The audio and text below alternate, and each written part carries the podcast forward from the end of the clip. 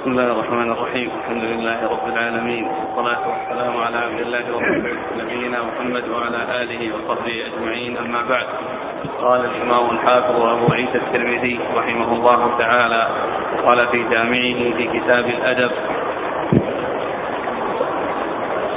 باب في التوقيت في تقليم الأظفار وأخذ الشارب. قال حدثنا إسحاق بن منصور. قال أخبرنا عبد الصمد بن عبد الوارث. قال حدثنا صدقة بن موسى أبو محمد صاحب الدقيق. قال حدثنا أبو عمران الجوني عن أنس بن مالك رضي الله عنه عن النبي صلى الله عليه وعلى آله وسلم أنه وقت لهم في كل أربعين ليلة تقليم الأظفار وأخذ الشارب وحلق العانة. قال حدثنا قتيبة قال حدثنا جعفر بن سليمان عن أبي عمران الجوني عن أنس بن مالك رضي الله عنه أنه قال وقت لنا رسول الله صلى الله عليه وعلى آله وسلم قص الشارب قص الشارب وتقليم الأظفار وحلق العانة ونتف الإبط لا يترك أكثر من أربعين يوما. قال هذا أصح من حديث الأول وصدقة بن موسى ليس عندهم بالحافظ. بسم الله الرحمن الرحيم. الحمد لله رب العالمين وصلى الله وسلم وبارك على عبده ورسوله نبينا محمد وعلى آله وأصحابه أجمعين. أما بعد فيقول الإمام أبو عيسى الترمذي رحمه الله في جامعة باب في توقيت في تقليم الأظفار وقص الشارب أي آه، بيان الوقت الذي لا يتجاوز لا يتجاوز آه، ذلك الوقت. دون أن يكون حصل فيه التقليم والقص تقليم الأظفار والقص للشارب وقد ورد في حديث أنس الذي فيه أن النبي صلى الله عليه وسلم وقت لهم آه، أنهم لا يتركون أكثر من أربعين يوما آه، قص الشارب ونفس الإبط وتقليم الأظفار وحلق العانة أي أنهم لا يتجاوز هذا المقدار الذي جاء به الحديث عن رسول الله صلى الله عليه وسلم. فيقص آه، ولا يعني ذلك أنه يترك إلى هذا الوقت وإنما يعني أنه لا يتجاوز ذلك الوقت. وإلا فإنه يقص قبل ذلك إذا دعت إليه الحاجة لا سيما إذا حصل الطول يعني الطول الشديد في الأظفار أو في الشارب في قبل بلوغ الأربعين. فإنه يقص. ولكن الحديث جاء في عدم التجاوز لا بأنه يترك إلى ذلك الوقت وإنما آه، يحصل الإزالة أو تحصل الإزالة آه، والإزالة مطلوب يعني حصولها لكن لا يتجاوز المقدار الذي ذكره رسول الله صلى الله عليه وسلم وهو أربعون يوما. وإذا حصل أنه حصل طول قبل ذلك ودعت الحاجة إلى هذا وكان تركه آه، لا يستحسن والمنظر يكون سيئا فإنه لا يترك إلى هذه المدة ولكن لا يتجاوز هذه المدة. ثم عموم الحديث في قوله أنه لا يترك أكثر من أربعين يوما أي أنه يزال على على أي حال أي أنه على أي حال يعني تحصل إزالته يعني ولو لم يكن طويلا طولا فاحشا أو طولا شديدا فإنه عند بلوغ الأربعين يزال الشيء الموجود آه سواء كان آه آه الطول طولا شديدا أو دون ذلك. وأما قبل ذلك إذا دعت الحاجة إليه بأن حصل الطول وكان المنظر يعني ليس بحسن فإنه يزال قبل بلوغ الأربعين. نعم. قال حدثنا إسحاق بن منصور. هو الكوسج ثقة أخرجه أصحاب الكتب الستة إلا أبا داود. عن عبد الصمد بن عبد الوارث. وهو صدوق أخرج له. أصحاب الكتب. نعم. عن صدقة بن موسى. وهو صدوق. له أوهام صدق نعم. البخاري بن المفرد وأبو داود والترمذي. نعم. عن أبي عمران الجوني. وهو ثقة أخرج أصحاب الكتب. نعم. عن أنس بن مالك. رضي الله عنه خادم الرسول صلى الله عليه وسلم وأحد السبع المكثرين من حديثه. قال حدثنا قتيبة. قتيبة بن سعيد ثقة أخرج أصحابه في ستة عن جعفر بن سليمان. وهو صدوق خرج البخاري المفرد ومسلم وأصحاب السنة. نعم. قال هذا أصح من الحديث الأول وصدقة ابن موسى ليس عندهم بالحافظ. نعم.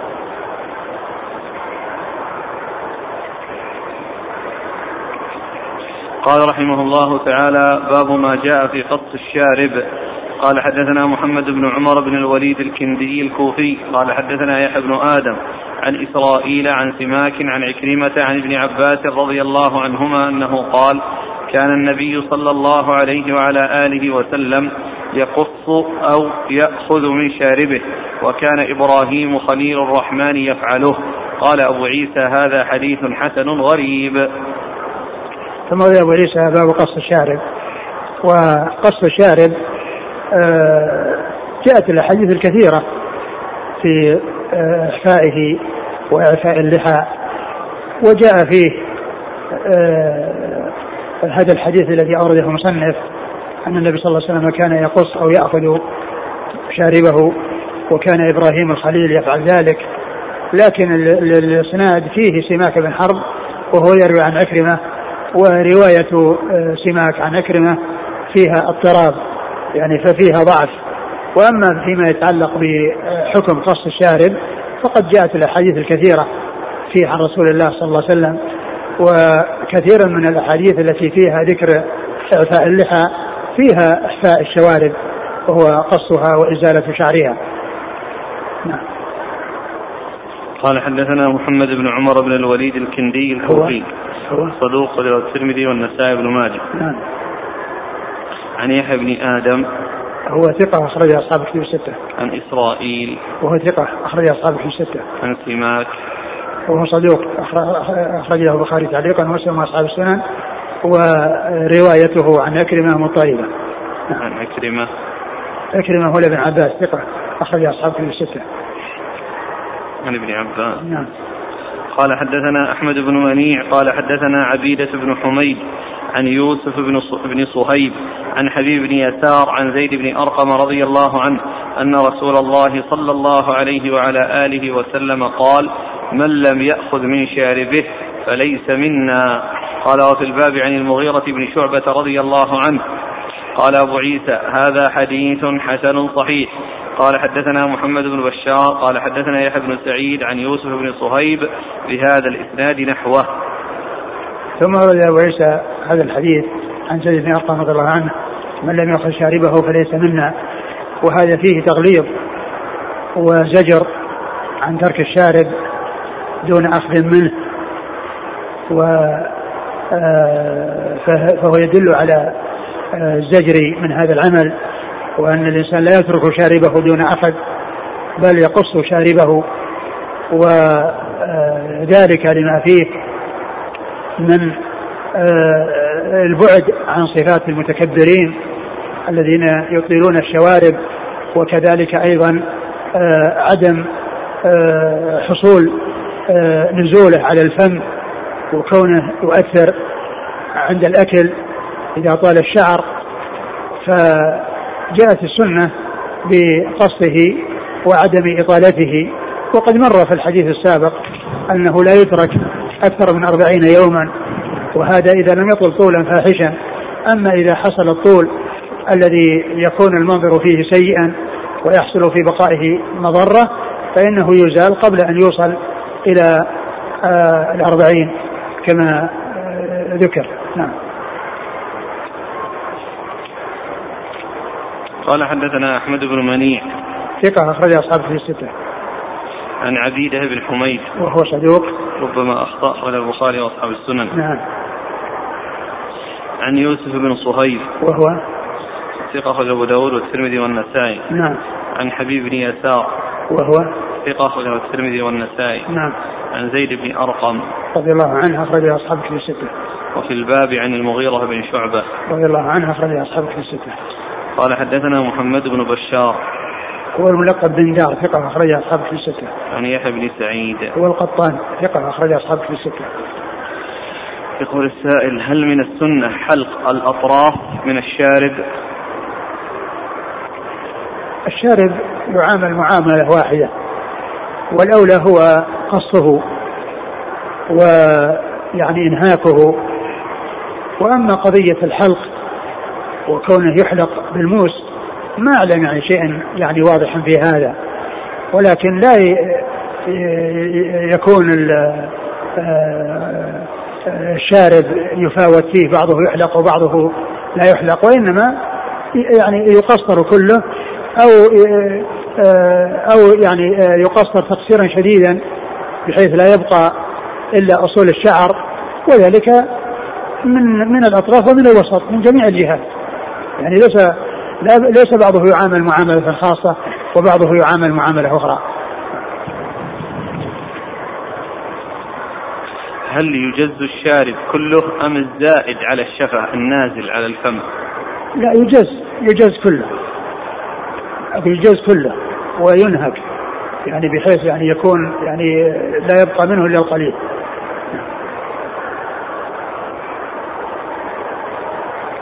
يقول ما المراد بالإحفاء الوارد في الأحاديث؟ هو يعني انهاك كما يقولون يعني استئصاله لكن لا يدل على الحق.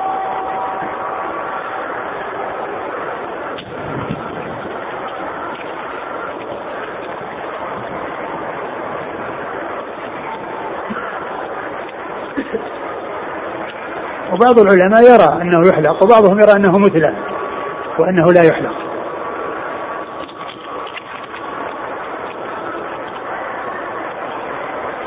يقول هل ثبت عن الإمام أحمد أنه قال من حلق شاربه فاجلدوه؟ لا لا, لا أعرف عن هذا شيئا.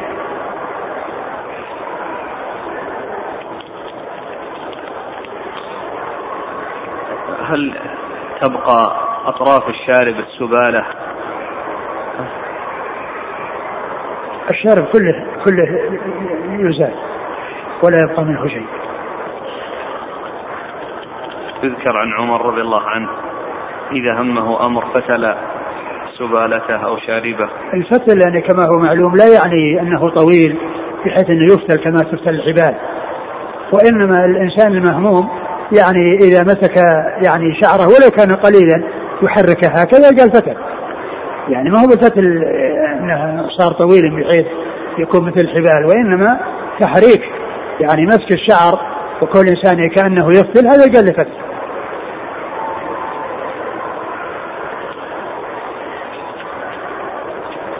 قال رحمه الله تعالى باب ما جاء في الأخذ من اللحية.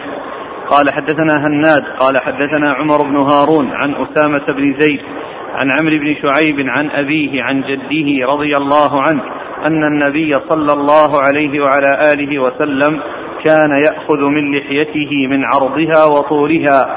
قال أبو عيسى هذا حديث غريب. وسمعت محمد بن إسماعيل يقول عمر بن هارون مقارب الحديث. لا أعرف له حديثا ليس إسناده ليس إسناده أصلا. ليس الإسناد في أصل ليس, ليس لإسناده ليس لإسناده أصل أو قال ينفرد به إلا هذا الحديث. قال النبي صلى الله عليه وسلم كان النبي صلى الله عليه وسلم يأخذ من لحيته من عرضها وطولها لا نعرفه إلا من حديث عمر بن هارون ورأيته حسن الرأي في عمر. قال أبو عيسى وسمعت قتيبة يقول عمر بن هارون كان صاحب حديث وكان يقول الإيمان قول وعمل. قال سمعت قتيبة قال حدثنا وكيع بن الجراح عن رجل عن ثور بن يزيد أن النبي صلى الله عليه وسلم نصب المنجنيق على أهل الطائف. قال قتيبة قلت لوكيع من هذا؟ قال صاحبكم عمر بن هارون.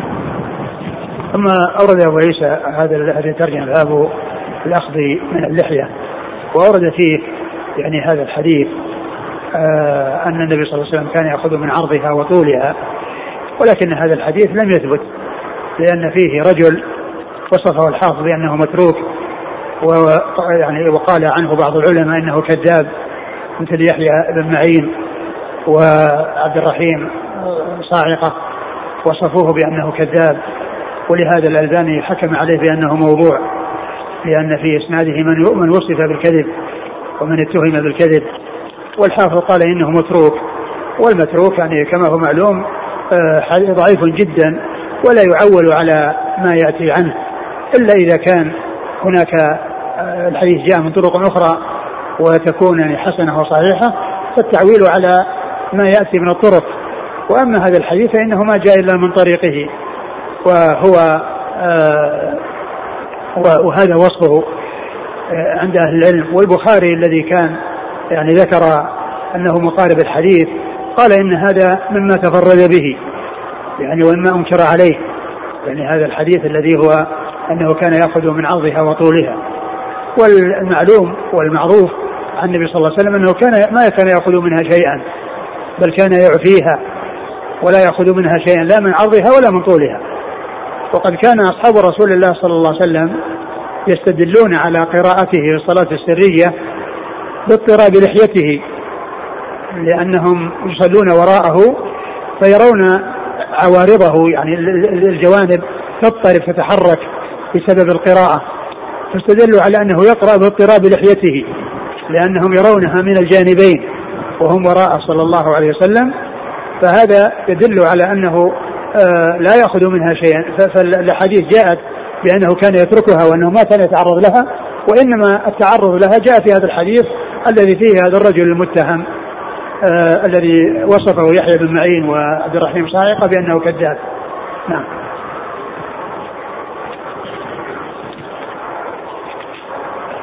قال حدثنا هناد. هناد بن السري ثقة أخرج له البخاري في خلق أفعال العباد ومسلم وأصحاب السنة. عن عمر بن هارون وهو متروك أخرج له الترمذي والنسائي وابن ماجه. عن أسامة بن زيد وهو الليثي وهو صدوق أخرج له البخاري تعليقا ومسلم وأصحاب السنة. نعم. عن عمرو بن شعيب عمرو بن شعيب وهو صدوق أخرجه البخاري في جزء القراءة وأصحاب السنة. عن أبيه وأبوه آه، آه، شعيب بن محمد وهو صدوق أخرجه البخاري في رفع اليدين و قال في جزء القراءة في جزء القراءة هو عمرو لا شعيب عمرو هو مثل مثل ابنه إلا أن فيه زيادة ذكر فيه زيادة. أصحاب السنة. خالد المفرد وخالد في القراءة أصحاب السنة. وهذا على خلاف عادة الحافظ بن حجر. الحافظ بن حجر إذا كان في الأدب المفرد لا يضيف إليه شيئا. لا يضيف إليه شيئا وإنما آه، يذكره دون أن يضيف إليه شيئا من الأجزاء. الأجزاء الحديثية مثل جزء القراءة ومثل رفع اليدين. يعني هذا هو المعروف. كثيرا ما يذكر الأدب المفرد أو البخاري تعليقا. ثم يذكر أصحاب السنن أو بعض أصحاب السنن. ولكنه هنا ذكر ولا ندري عن عن ابنه أيضا اللي هو عمرو هل أيضا له في في الأدب المفرد شيء أو ليس له شيء؟ نعم. عن جده. جده عبد الله بن عمرو رضي الله تعالى عنهما. وحديثه أخرجه أصحاب في الستة.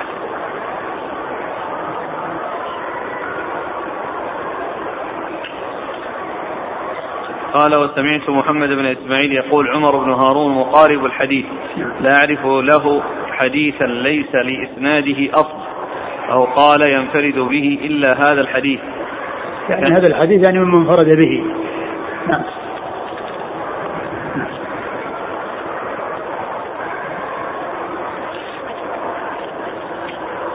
ورأيته حسن الرأي في عمر. قال أبو عيسى وسمعت قتيبة يقول عمر بن هارون كان صاحب حديث وكان يقول الإيمان قول وعمل يعني هذا شيء يحمد عليه.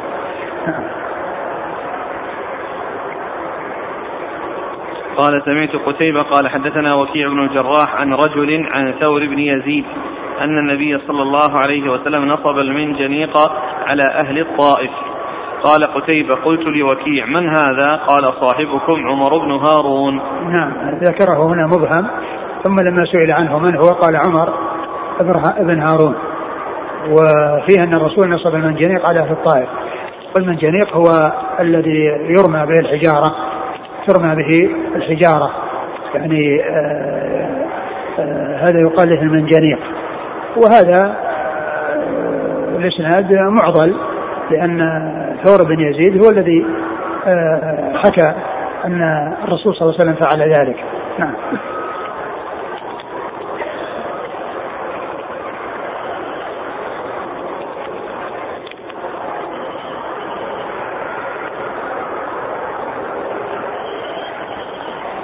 قال رحمه الله تعالى باب ما جاء في إعفاء اللحية. قال حدثنا الحسن بن علي الخلال قال حدثنا عبد الله بن نمير عن عبيد الله بن عمر عن نافع عن ابن عمر رضي الله عنهما أنه قال قال رسول الله صلى الله عليه وآله وسلم أحفوا الشوارب وأعفوا اللحى. قال أبو عيسى هذا حديث صحيح. ثم أبو عيسى باب في إعفاء اللحى وإعفاؤها وتركها وتوفيرها لأن الإعفاء هو من عفى الشيء إذا كثر حتى عفوا وقالوا يعني حتى كثروا. فالمعنى أنها تترك وتوفر ولا يؤخذ منها شيء فهذا هو إعفاؤها. وقد جاءت الأحاديث بصيغ متعددة في جاء أعفوها وجاء وفروها وجاء أرخوها وجاء بألفاظ أخرى. كلها فيها أمر من رسول الله صلى الله عليه وسلم في إبقائها آه، وقد آه، آه، كان عليه الصلاة والسلام كما أمر بإعفائها كان معفيا للحيته صلى الله عليه وسلم وأصحابه أصحاب لحى وكان يراهم ويقرهم فقد اجتمع في إعفاء اللحية الطرق التي تعرف بها السنة أو الوجوه التي تثبت بها السنة لأن السنة هي قول وفعل وتقرير. قول وفعل وتقرير. أقوال الرسول صلى الله عليه وسلم وأفعاله وتقريراته. وكل هذه الأمور الثلاثة مجتمعة في اللحية. فإنها ثبتت من قوله وفعله وإقراره. فهو صلى الله عليه وسلم كان كث اللحية وكان معفيا لحيته لا يأخذ منها شيء. ويأمر أمر أصحابه بذلك. وأصحابه أصحاب لحى موفرة. وكان يراهم ويقرهم على ذلك. فإذا الوجوه التي تثبت بها السنة مجتمعة في إعفاء اللحية. والسنة تعريفها عند المحدثين يقولون الحديث أو السنة ما أضيف إلى النبي صلى الله عليه وسلم من قول أو فعل أو تقرير. ما أضيف إلى النبي صلى الله عليه وسلم من قول أو فعل أو تقرير أو وصف خلقي أو خلقي إذا كان يعني يتعلق بصفة خلقه صلى الله عليه وسلم وكذلك صفة أخلاقه صلى الله عليه وسلم فإنها أيضا داخلة في سنته. ولكن هذه الأمور الثلاثة التي هي القول والفعل والتقرير كلها آه، مجتمعة آه، في اللحية. نعم. وقال أحفو الشوارب والأحاديث التي جاءت في إعفاء اللحية جاء معها إحفاء الشوارب وهو أخذها وقصها وإزالتها. يعني جاء فيه آه، فيه ما يتعلق بإعفاء اللحية وأخذ الشارب. ولا شك أن أسوأ هيئة وأقبح منظر الذي يكون في مخالفة السنة في الاثنين. إذا حلقت اللحية وطيل الشارب هذا أقبح منظر يكون في الوجه. وأسوأ يعني منظر يكون آه، أن يكون الشارب طويلا جدا واللحية محلوقة. هذه أقبح هيئة وأسوأ هيئة يكون عليها وجه الإنسان. وذلك لأنها فيها مخالفة من الجهتين فيها معصية من الجانبين معصية في الحلق ومعصية في إبقاء الشارب وإطالته. نعم. قال حدثنا الحسن بن علي الخلال. هو الحلواني ثقة أخرج له أصحاب الكتب إلا النسائي. عن عبد الله بن نمير. عبد الله بن نمير ثقة أخرج أصحاب الكتب الستة. عن عبيد الله بن عمر. هو العمري المصغر ثقة أخرج أصحاب الكتب الستة. عن نافع. نافع مولى بن عمر ثقة أخرج أصحاب الكتب الستة. عن ابن عمر. نعم.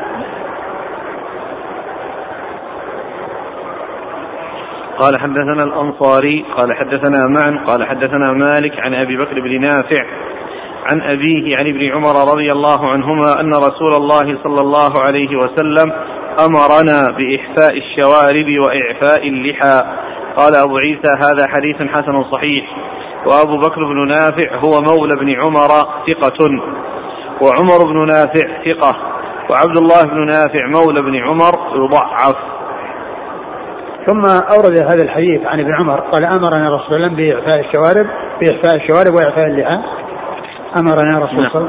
بإعفاء الشوارب وبإعفاء بإعفاء الشوارب وإعفاء اللحى وهذا فيه آه، حكاية الأمر لأنه في الأول قال آه، آه، النبي صلى الله عليه وسلم قال أحفو الشوارب وأعفو اللحى أحفو الشوارب وأعفو اللحى وهذا هو الأمر. وهنا حكاية لأمره صلى الله عليه وسلم لهم حيث قال أمرنا رسول الله صلى الله عليه وسلم بإحفاء الشوارب وإعفاء اللحى نعم. قال حدثنا الأنصاري. هو إسحاق بن موسى وهو, وهو ثقة أخرجه مسلم والترمذي والنسائي وابن ماجه. نعم. عن معن. معن بن عيسى ثقة أخرجه أصحاب الكتب الستة. عن مالك. هو إمام دار الهجرة المحدث الفقيه. حديثه عند أصحاب الكتب الستة. عن أبي بكر بن نافع. وهو صدوق أخرج له. مسلم وأبو داود والترمذي والنسائي في مسند مالك. نعم. عن أبيه عن ابن عمر. نافع مولى بن عمر عن ابن عمر. قال وأبو بكر بن نافع هو مولى بن عمر ثقة وعمر بن نافع ثقة. وعبد الله بن نافع مولى بن عمر يضعف. يعني ذكر ثلاثة من أولاد أولاد نافع مولى بن عمر آه وثق الاثنين. واحد ضعفه وذكر أنه يضعف. والحافظ قال عن الأول اللي هو أبو بكر معنا في الإسلام بن صدوق وعن عمر أنه آه ثقة وعن آه عبد الله بأنه ضعيف. يقول فضيلة الشيخ هناك شاب يأمره والداه بحلق اللحية وإذا لم يفعل سيطردونه من البيت فماذا يفعل؟ وهو في بداية التزامه يطيع الله عز وجل ولا يطيع والديه. لا طاعة لمخلوق في معصية الله لكنه يبين لهم ويوضح لهم أن هذه هي السنة ونحن مسلمون والمسلم يستسلم وينقاد لأمر الله ورسوله صلى الله عليه وسلم. وهذا أمر الله عز وجل ويذكر له النصوص الدالة على هذا. وما كان لمؤمن ولا مؤمنة إذا قضى الله ورسوله أمرا أن آه، وما, وما كان إذا قضى أن يكون لهم الخيرة من أمرهم. ومن يعص الله ورسوله وقد ضل ضلالا مبينا. فليحذر الذين يخالفون عن أمره أن تصيبهم فتنة ويصيبهم عذاب أليم. وما أتاكم الرسول فخذوه وما نهاكم عنه فانتهوا. واتقوا الله إن الله شديد العقاب. يبين له ويوضح له ولا يطيع والده في معصية الله عز وجل. الأسئلة جاءت حول فعل ابن عمر رضي الله عنهما في نعم جاء عن, عن ابن عمر وعن عن بعض الصحابة. أنهم كانوا يأخذون ما زاد عن القبضة ولكن الرسول صلى الله عليه وسلم وكبار أصحابه ما كانوا يفعلون. فإذا الأخذ بما جاء عن رسول الله صلى الله عليه وسلم أولى من الأخذ بما جاء عن غيره.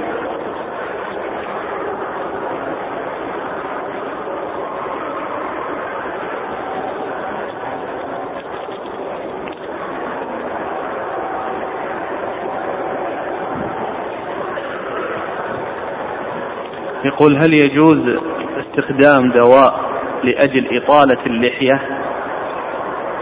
أقول هذا عكس أقول عكس اللي يبون التخلص منها بالحلق أو التقصير.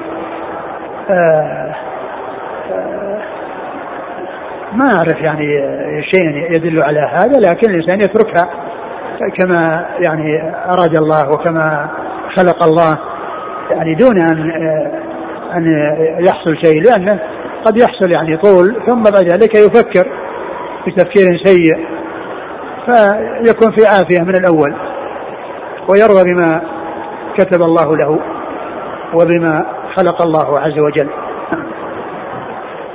من نذر أن يحلق لحيته إذا حصل شيء فهل يفعل وينفذ؟ من نذر أن يعصي الله فلا يعصي قال عليه الصلاة والسلام من نذر أن يطيع الله فليطيعه ومن نذر أن يعصي الله فلا يعصي. هل هناك حد إذا وصلت إليه اللحية ممكن أن يأخذ منها؟ ما نعلم شيء يدل على هذا. بعض الأسئلة مثلا جاءت إذا تصل إلى السرة وملفته للنظر.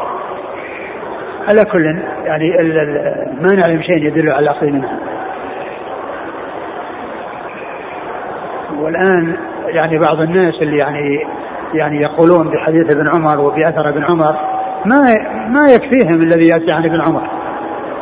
يعني يزيلون شيئا أكثر مما كان يفعله ابن عمر رضي الله عنه.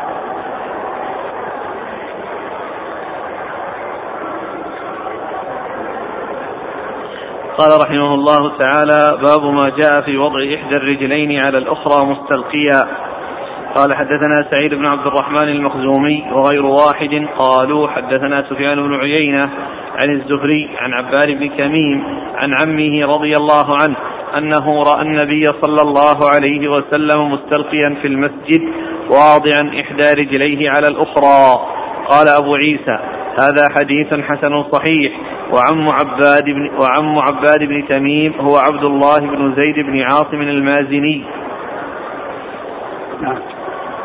قال رحمه الله تعالى: باب ما جاء في الكراهية في ذلك.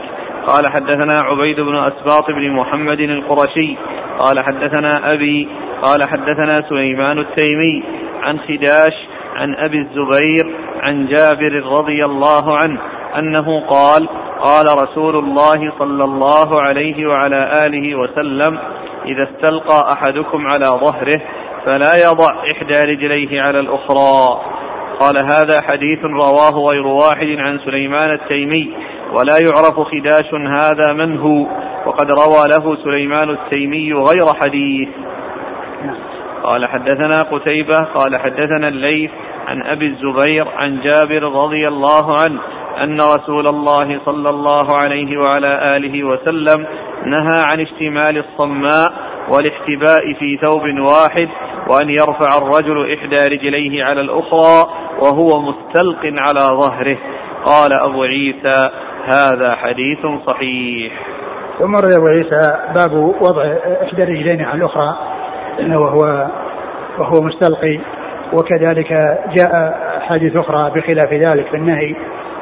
والحديث التي فيها أنه وضع إحدى رجليه على الأخرى تحمل على ما إذا كانت الرجلين ممدودة ممدودتين إذا كانت إذا كانت الرجلان ممدودتين ثم وضعت إحداهما على الأخرى وهو مستلقٍ فإن ذلك لا بأس به وقد جاءت به السنة عن رسول الله صلى الله عليه وسلم وقد فعله رسول الله صلى الله عليه وسلم كما في الحديث الأول أنه رآه مستلقيا في المسجد والاستلقاء كما هو معلوم لا يلزم أن يكون معه نوم قد يكون قد يكون الإنسان يستلقي نائم أو مستريح بدون نوم.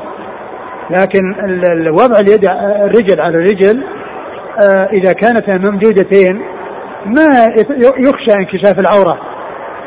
لأن آه، ما دام ممدودتين واحدة موضوعة على الثانية ما يترتب على ذلك محذور.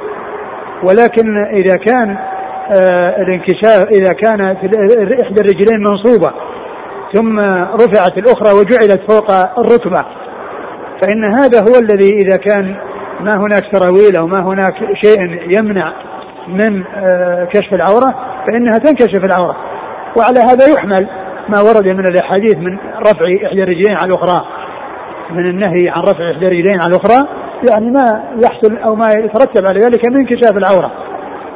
أما إذا كانت الرجلين ممدودتين إذا كانت الرجلان ممدودتين ووضعت إحداهما على الأخرى والإنسان مستلقي فإن هذا لا يحصل معه انكشاف وكذلك لو كان عليه سراويل ووضع إحداهما على الأخرى أيضا لا يحصل له انكشاف ولكنها إذا كانت الرجل منصوبة ووضع آه، الرجل الثانية على الركبة وكان ليس عليه ليس عليه سراويل فإن هذا يكون معه الانكشاف. فعلى هذا يحمل النهي على ما يترتب عليه مضرة وهي انكشاف العورة ويحمل آه، الجواز على ما إذا لم يكن كذلك. وأما اشتمال الصماء فهو فهي هيئة آه، هيئة لبس وهي أن أن أن أن, أن أنه آه، يلتحف بثوب يكون يغطي فيه كل شيء لا يظهر منه إلا رأسه ويكون مشدودا أو يعني ملفوف لفه عليه فإن هذا جاء النهي عنه. وذلك لما يترتب لأن لو حصل له يعني شيء بسرعة فإنه ينكشف هذا الثوب وتظهر عورته لأنه يترتب عليه هذه المفسدة حيث لو حصل أي شيء يقتضي أن يقوم بسرعة أو يعني يزيل ثوبه بسرعة فإنها تنكشف لأن ثوب واحد لفه على نفسه ويداه ويداه من الداخل ويداه من الداخل ما ظهر إلا رأسه. والباقي كله غطي بهذا الثوب والثوب الذي قطعة من القماش. وكذلك الاحتباء بأن يجلس الإنسان على مقعدته ورجليه ينصب ساقيه ثم يلف عليه آه، ثوبا من ورائه ومن أمامه فإن أعلاه يكون مكشوف فإنه يكون مكشوف من الأعلى. وتبدو العورة يعني بسبب ذلك وقد تظهر العورة بسبب ذلك. فجاء النهي عن عن هاتين اللبستين اللتين هي الاحتباء واشتمال واشتمال الصمام. والمسألة الثالثة أنه لا يضع آه، إحدى رجليه على الأخرى أو يرفع يعني آه، إحدى رجليه على الأخرى. وهذا عرفنا فيه أنه جاء ما يدل على الجواز وأن الجمع بين ما ورد من المنع ومن الجواز أنه إذا كان يترتب على ذلك انكشاف عورة فإنه لا يجوز وإذا كان ما يترتب فإن ذلك جائز.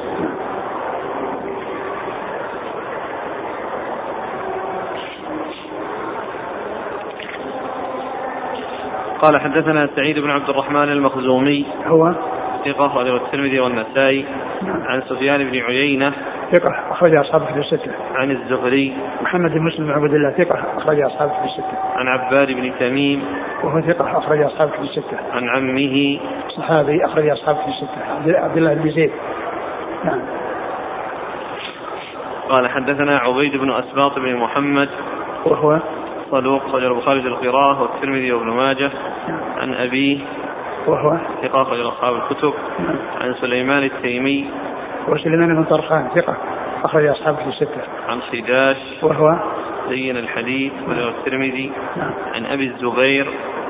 محمد بن مسلم بن تادر الصدوق أخرج أصحاب في الستة. عن جابر. عن جابر بن عبد الله رضي الله تعالى عنهما وهو أحد السبعة المكثرين من حديث رسول الله صلى الله عليه وسلم قال هذا حديث رواه غير واحد عن سليمان التيمي ولا يعرف خداش هذا من هو وقد روى له سليمان التيمي غير حديث نعم. قال حدثنا قتيبة عن الليث الليث بن سعد ثقة أخرج أصحاب في الستة عن أبي الزبير عن جابر نعم.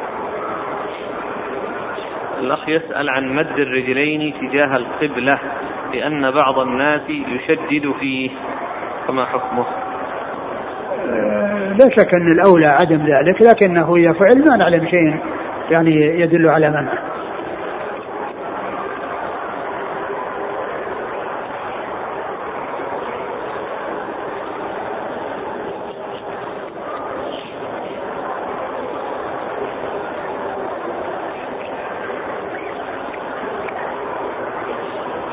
قال رحمه الله تعالى باب ما جاء في كراهية الاضطجاع على البطن. قال حدثنا أبو كريب قال حدثنا عبدة بن سليمان وعبد الرحيم عن محمد بن عمرو قال حدثنا أبو سلمة عن أبي هريرة رضي الله عنه أنه قال رأى رسول الله صلى الله عليه وسلم رجلا مضطجعا على بطنه فقال إن هذه ضجعة لا يحبها الله. قال وفي الباب عن طهفة وابن عمر رضي الله عنهما قال أبو عيسى وروى يحيى بن أبي كثير هذا الحديث عن أبي سلمة عن يعيش بن طهفة عن أبيه ويقال طخفة والصحيح طهفة وقال بعض الحفاظ الصحيح طخفة ويقال, ويقال طغفة يعيش هو من الصحابة. ثم ورد أبو عيسى باب آه، باب كراهية الاضطجاع على البطن. الاضطجاع على البطن. أن يكون الإنسان ينبطح على بطنه أو ينام على بطنه الرسول صلى الله عليه وسلم رأى رجلا على هذه الهيئة فقال إن هذه ضجعة لا يحبها الله. إن هذه ضجعة لا يحبها الله. فدل على أن على أن هذه الضجعة أو هذه الهيئة أنها آه، لا تفعل في النوم وإنما يكون الإنسان يعني على أحد جنبيه أو يكون مستلقيا لأن الجنبين والاستلقاء جاءت بهما السنة عن رسول الله صلى الله عليه وسلم. وأما الانبطاح على البطن فهذا هو الذي جاء في هذا الحديث عن رسول الله صلى الله عليه وسلم وأنكر على من فعل ذلك وقال إنها رجعة لا يحبها الله سبحانه وتعالى أي أنه يبغضها. نعم.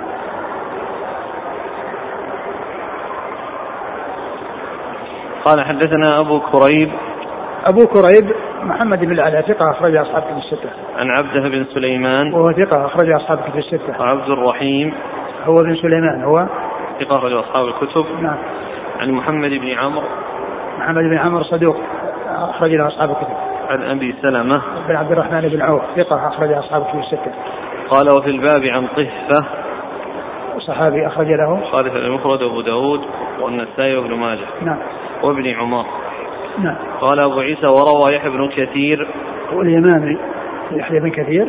يحيى بن أبي كثير. يحيى بن أبي كثير هو اليمامي ثقة أخرج أصحابه في الستة. عن أبي سلمة عن يعيش بن طهفة عن أبيه. نعم وقال أن صحابي أن طهفة صحابي و... ويعيش صحابي. ويقال طخفة والصحيح طهفة وقال بعض الحفاظ طخفة ويقال طغفة هذا اختلاف في اسمه وضبط اسمه. نعم. هل جاء أنها آه، ضجعة أو آه، رقدة أهل النار؟ ادري شوف اظن الشرح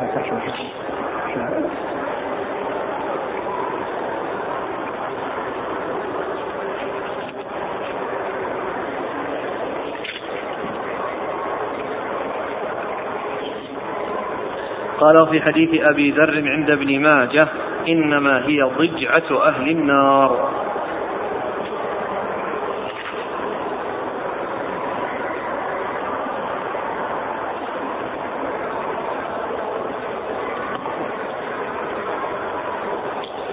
يقول آه، الرضع الأطفال ربما يرتاحون على هذه الهيئة في النوم فهل يفعل بهم هذا؟ الرضع يعني كما هو معلوم إذا كان يعني هناك حاجة إلى كان يكون في بطونهم انتفاخ ويريدون الانتفاخ أنه يعني يذهب ويزول لا بأس بذلك وكونهم يعودون يعود الصغار على ما يكون عليه الكبار لا شك أن هذا مطلوب لكن إذا كان يعني صغير لا يعقل وكان هناك يعني حاجة إلى يعني تعمد فعل هذا من أجل أنه يعني يذهب ما في بطنه من من الانتفاخ. لا بأس بذلك إن شاء الله. هل جاء أنها كذلك ضجعة أن الشيطان يضطجع على بطنه؟ لا. هذا يقول أنها ضجعة قوم لوط. ما أدري. إذا رأيت رجلا نائما على بطنه أوقظه وأنصحه أم أتركه؟ أتركه حتى يستيقظ؟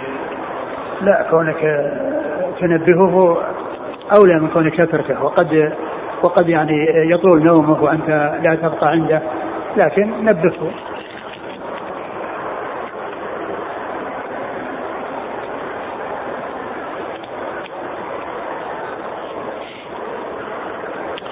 قال رحمه الله تعالى باب ما جاء في حفظ العورة.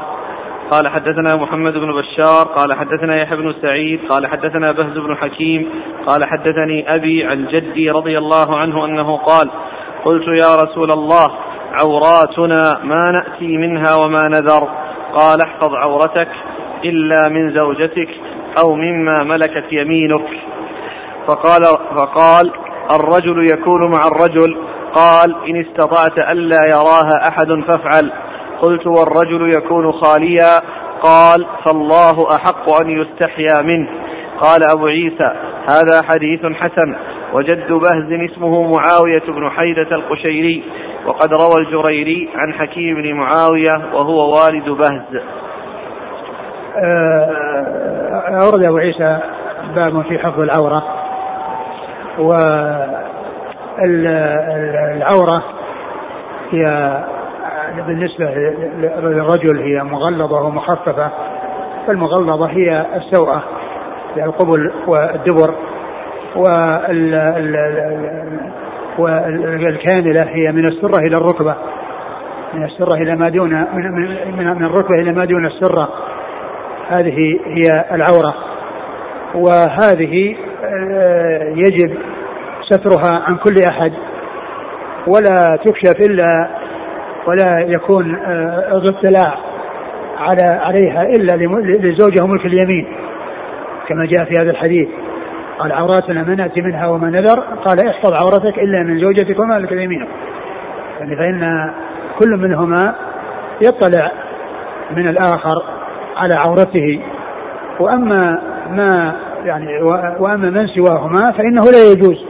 وإنما يجب آه، حفظ العورة من كل أحد إلا مما استثناه الشارع وجاء في هذا الحديث عن رسول الله صلى الله عليه وسلم الذي هو استثناء الزوجه وملك اليمين.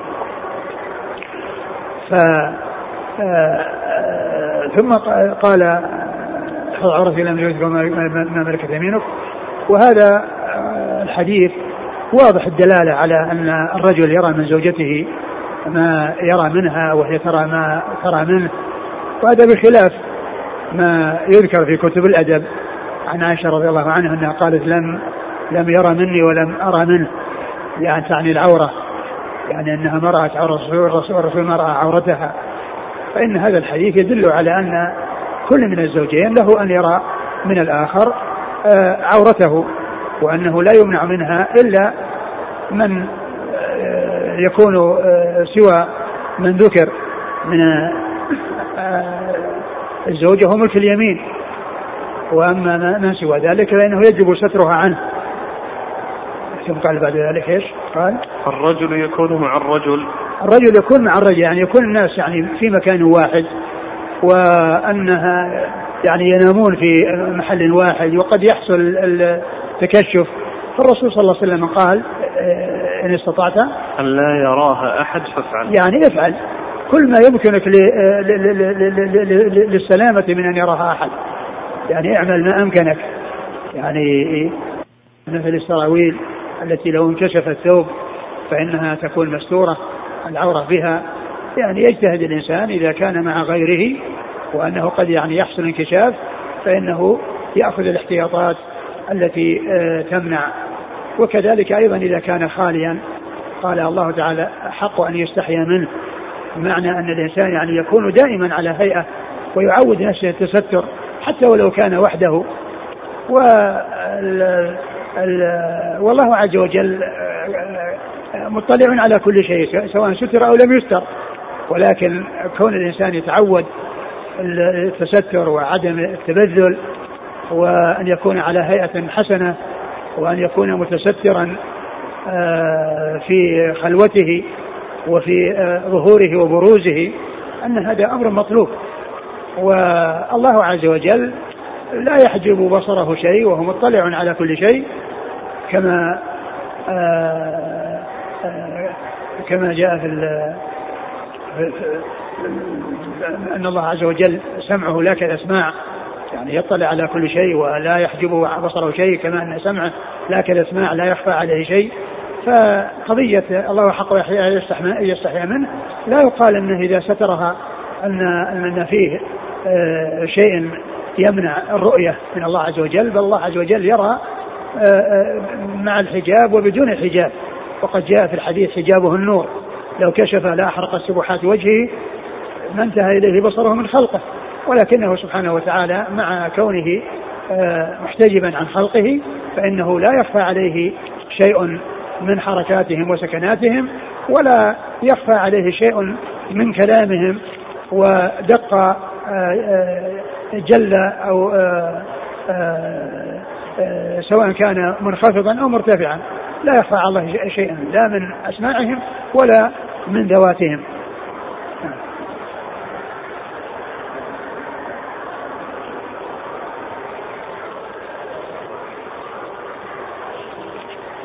قال حدثنا محمد بن بشار عن يحيى بن سعيد عن بهز بن حكيم. بهز بن حكيم صدوق أخرج له.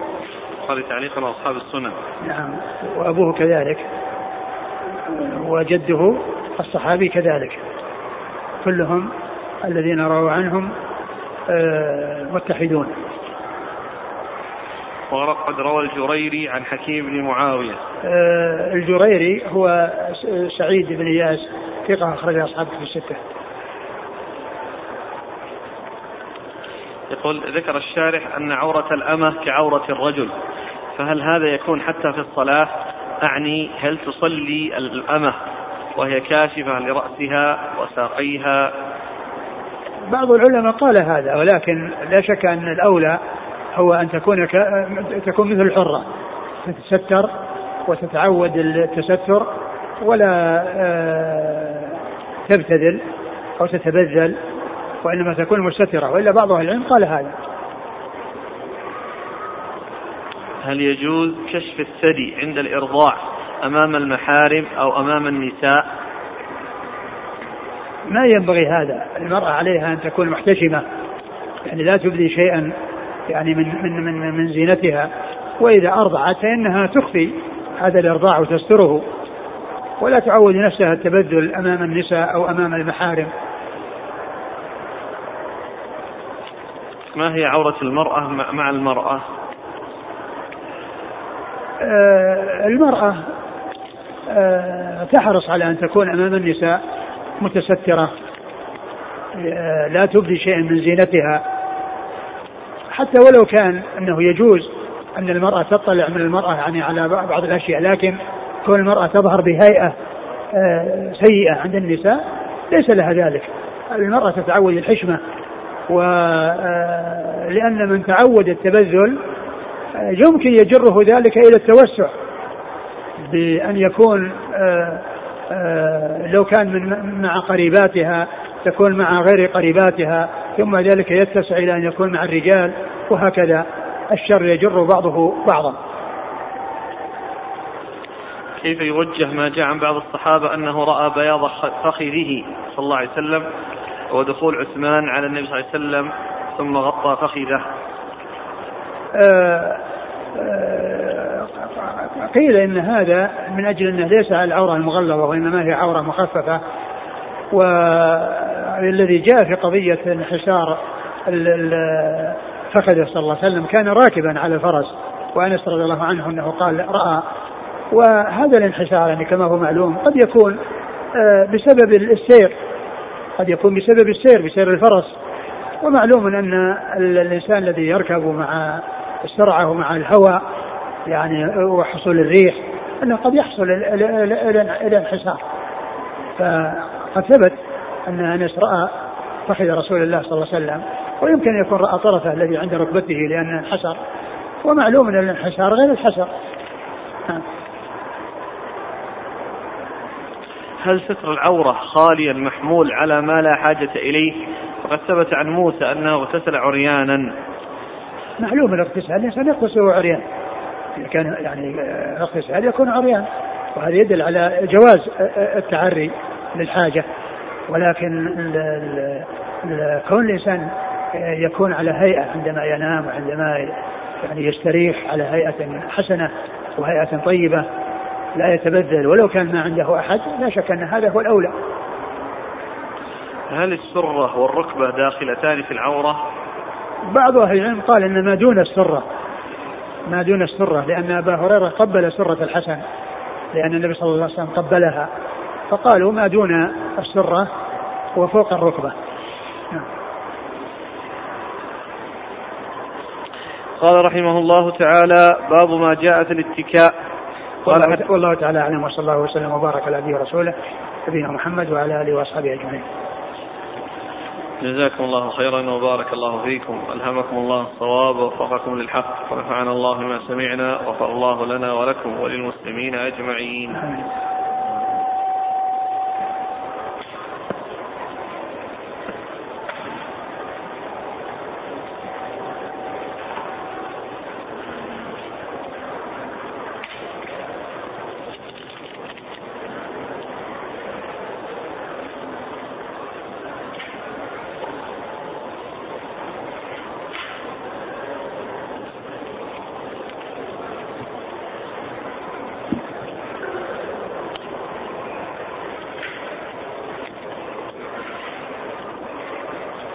يقول السائل فضيلة الشيخ نرجو تحديد اللحية.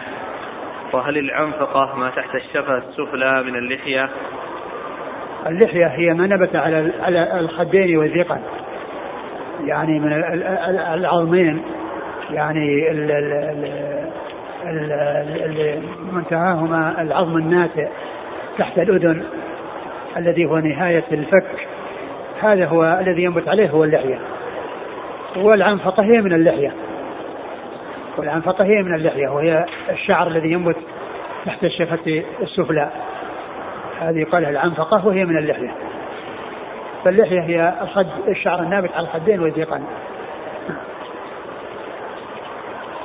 يقول شيخنا وفقك الله هل النتف نتف ما طال من الشارب كالنمط أو أن ذلك جائز كالإبط؟ السنة أن أن الشارب يقص. لا ينتف ولا يحلق. لا نعلم شيء يدل على النتف ولا على الحلق وإنما جاء شيء يدل على القص وعلى الإنهاك بمعنى أنه يعني يبالغ في إزالته لكن ما نعلم شيء يدل على الحلق ولا على النتف.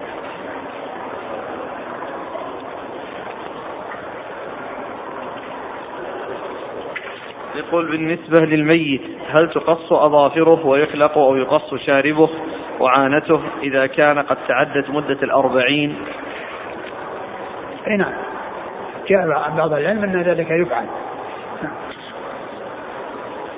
إذا كان للمرأة شارب فهل تأخذ منه؟ نعم تزيله إذا ظهر لها شارب تزيله لأن النساء كما هو معلوم آه، هيئتهن الجمال والتجمل وإذا ظهر لها شارب أو لحية فإنها تزيله وكذلك الأمر إذا كان للإنسان شارب قصير هل يأخذ منه بعد الأربعين؟ نعم السنة أنه يأخذ منه لأنه قال لا ندع يعني أكثر من أربعين. سواء كان طال طولا شديدا أو لم يطل فإنه يقص شاربه عند آه، آه، قبل تجاوز الأربعين.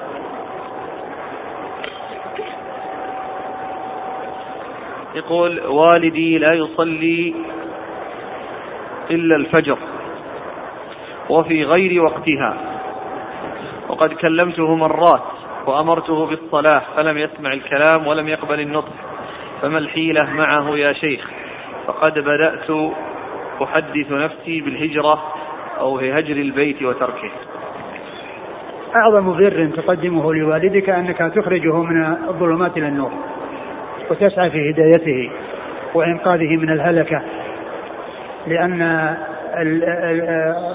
طاعة الله ورسوله صلى الله عليه وسلم والالتزام بأحكام الله هذا هو زاد الدار الآخرة الحياة الباقية.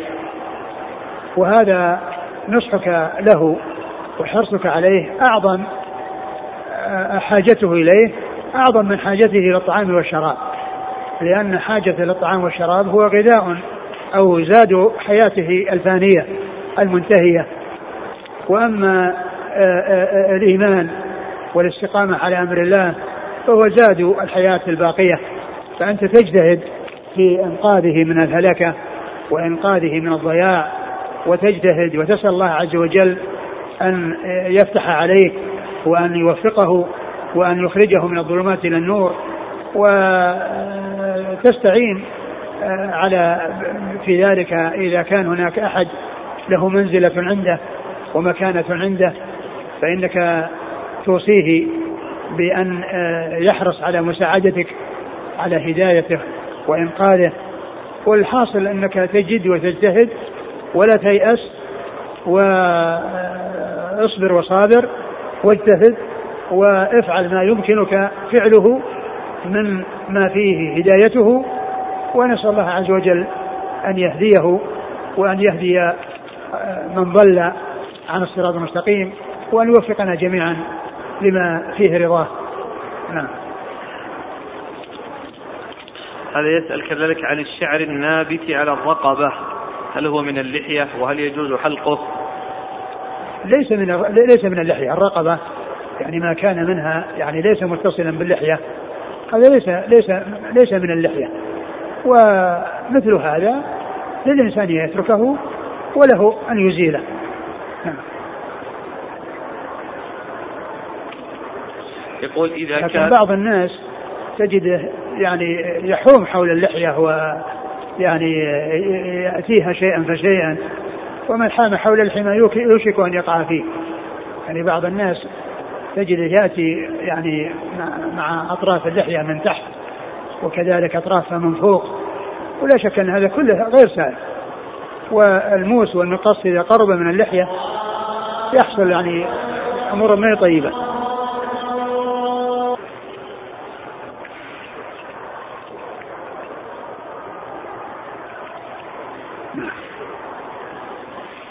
يقول, يقول إذا كان أحد جانبي اللحية أطول من الآخر فهل يجوز تسويته؟ إذا كان شكله مشوها للوجه.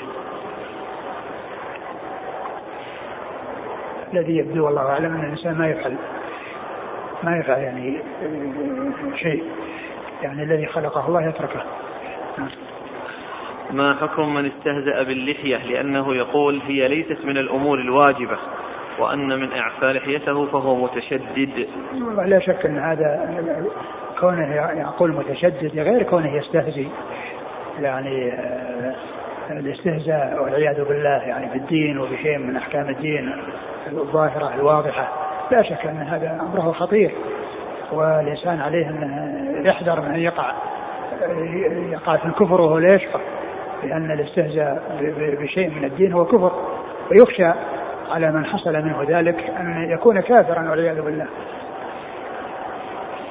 ما جاء في شعب الإيمان للبيهقي بالسند الصحيح كما صحه الألباني رحمه الله أن إبراهيم النخعي حكى أنه أدرك الصحابة وهم كانوا يأخذون ما دون القبضة ألا يكون هذا من جنس ما حكاه عبد الله بن شقيق في تكفير تارك الصلاة أه تكفير تارك الصلاة مو بالعمدة فيه كلام ابن شقيق. العمدة فيه الأحاديث الصحيحة الثابتة عن رسول الله صلى الله عليه وسلم. وأما هذا زيادة. وأما بالنسبة ل هذا الأثر إذا كان صحيحا فلا يعني ذلك أن هذا شأن الصحابة وأنهم متفقون على هذا. وما عندنا شيء عن رسول الله صلى الله عليه وسلم آه، يدل على الأخذ. وإنما جاء عن بعض الصحابة. ومعلوم أن يعني بعضهم وغيرهم ما ما جاء عنهم كلهم وإنما جاء عن ناس معدودين يعني محصورين. ف آه، كونه لا يعرف عن الرسول صلى الله عليه وسلم ولا عن يعني كثير من أصحابه لا يعني أن هذا حكاية للإجماع.